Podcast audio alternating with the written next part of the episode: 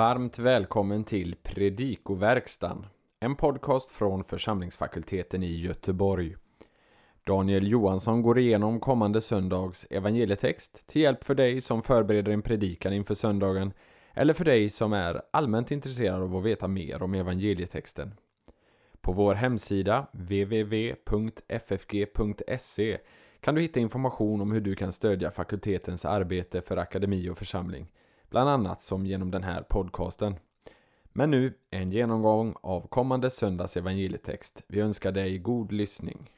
Andra årgångens evangelium för Septuagesima är Lukas 17, 7-10.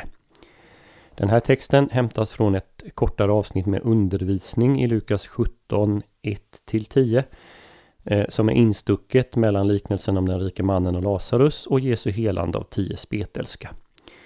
Fyra teman behandlas eh, i de här eh, tio verserna. Först i vers 1-2 handlar det om förförelser. Sedan om förlåtelse i 3-4. Tro i 5-6 och till sist tjänst i 7-10 våra verser. Den här liknelsen eh, förekommer bara i Lukas evangeliet. Notera att det finns ett nära samband mellan denna liknelse och den om tjänarna som väntar på sin herre i Lukas 12, 35-38. Följande bör noteras när man översätter texten. Vers 7 och 8 är en enda lång mening som innehåller två frågor. Den inleds på samma sätt som flera andra liknelser i Lukas, till exempel liknelsen om det återfunna fåret i kapitel 15 Nämligen med formuleringen tis de ex hymon. Vem av er? De andra liknelserna som inleds på samma sätt har jag listat i en handout under fliken predikoverkstan på vår hemsida. Auristparticipet par elthon bestäms av det direkt efterföljande imperativet ana pesse. Det översätts därför som imperativ. Kom. Verbet det här handlar om, par erchomai, betyder normalt gå förbi. Men här och på några andra ställen i Lukas, till exempel i 1237, så måste betydelsen vara komma, komma till. Oshi i vers 8 eh, är en fråga som förväntar, eller inleder en fråga som förväntar ett jakande svar. Medan med echei som inleder vers 9 förväntar ett nekande svar. Me echei charinto dolo betyder ordagrant inte har han nåd åt slaven. De flesta moderna översättningar tar charis, som ju betyder nåd, i betydelsen tack när det står tillsammans med verbet echo, alltså ha tack. Den betydelsen finns i till exempel första Timoteusbrevet 1.12 och andra Timoteusbrevet 1.3. Men hos Lukas har charis mer med erkännande, favör och lön att göra. Eh, se till exempel på formuleringen i Lukas 6.32.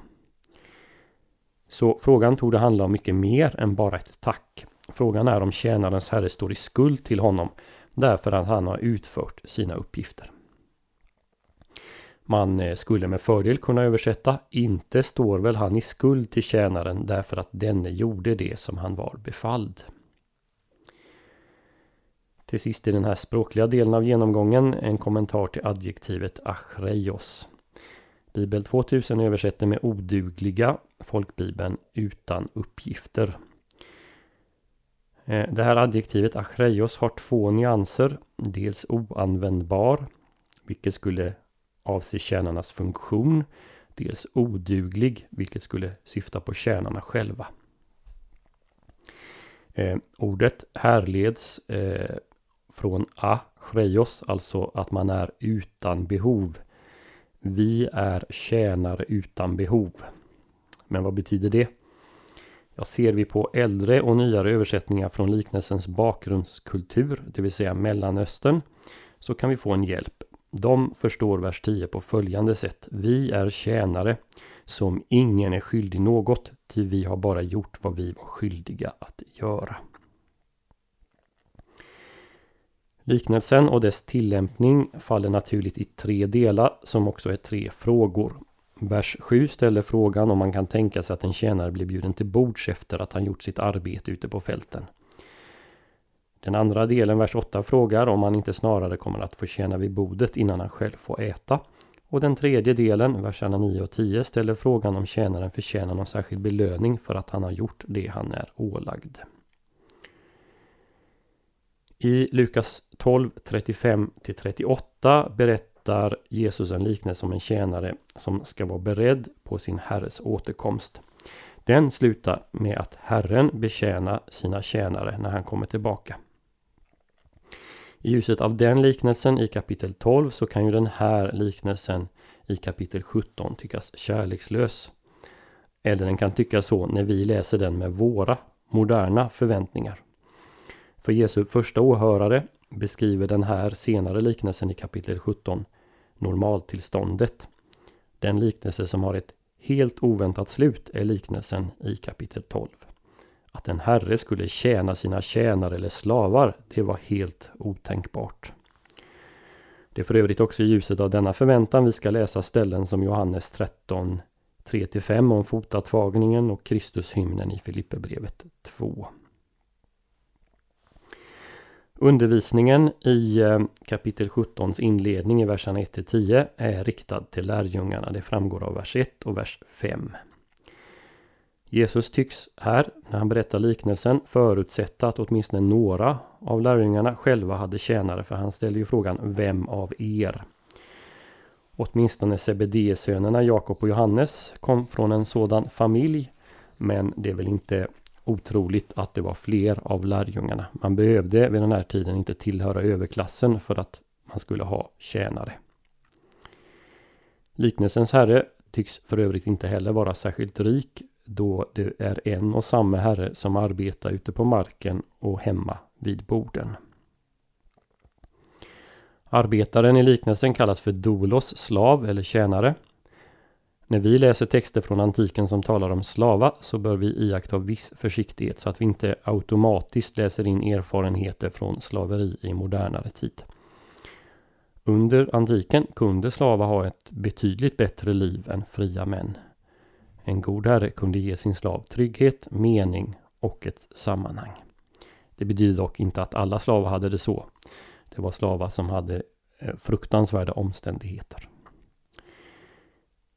Vi bör också notera att den måltid som avses med verbet deipneo ägde rum runt klockan 15 på eftermiddagen.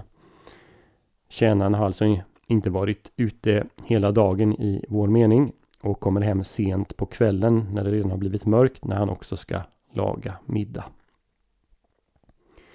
Liknelsen framställer hurdan Guds nåd är, men gör det på ett negativt sätt. Den tjänare som är aldrig så trogen och noggrann vet att Gud inte är skyldig honom något. Han gör sin plikt och skaffar sig inga meriter därigenom. Vi kan därför sammanfatta innehållet i följande tre punkter. Först, den troende människan är en Guds slav eller tjänare som förväntas lyda och vara trogen i sin roll. För det andra, att nåden eller frälsningen är en gåva, inte en belöning för utförd tjänst. Och för det tredje arbetar Guds tjänare för att uppfylla sin plikt, inte för att därigenom ha anspråk att göra på Gud eller erhålla belöning. Så hoppas vi att denna genomgång får bli till hjälp och välsignelse för dig som har lyssnat. På vår hemsida www.ffg.se kan du hitta information om hur du kan stödja fakultetens arbete, bland annat som genom den här podcasten. Ett sätt att stödja är att skänka en gåva genom Swish. Församlingsfakultetens Swish-nummer är 123 100 8457. Alltså 123 100 8457. Mottagaren som anges är Peter Isak Bens utbildningsstiftelse. Märk gärna gåvan FFG Podcast om du vill stötta just denna podden. Så önskar vi dig allt gott och Guds välsignelse.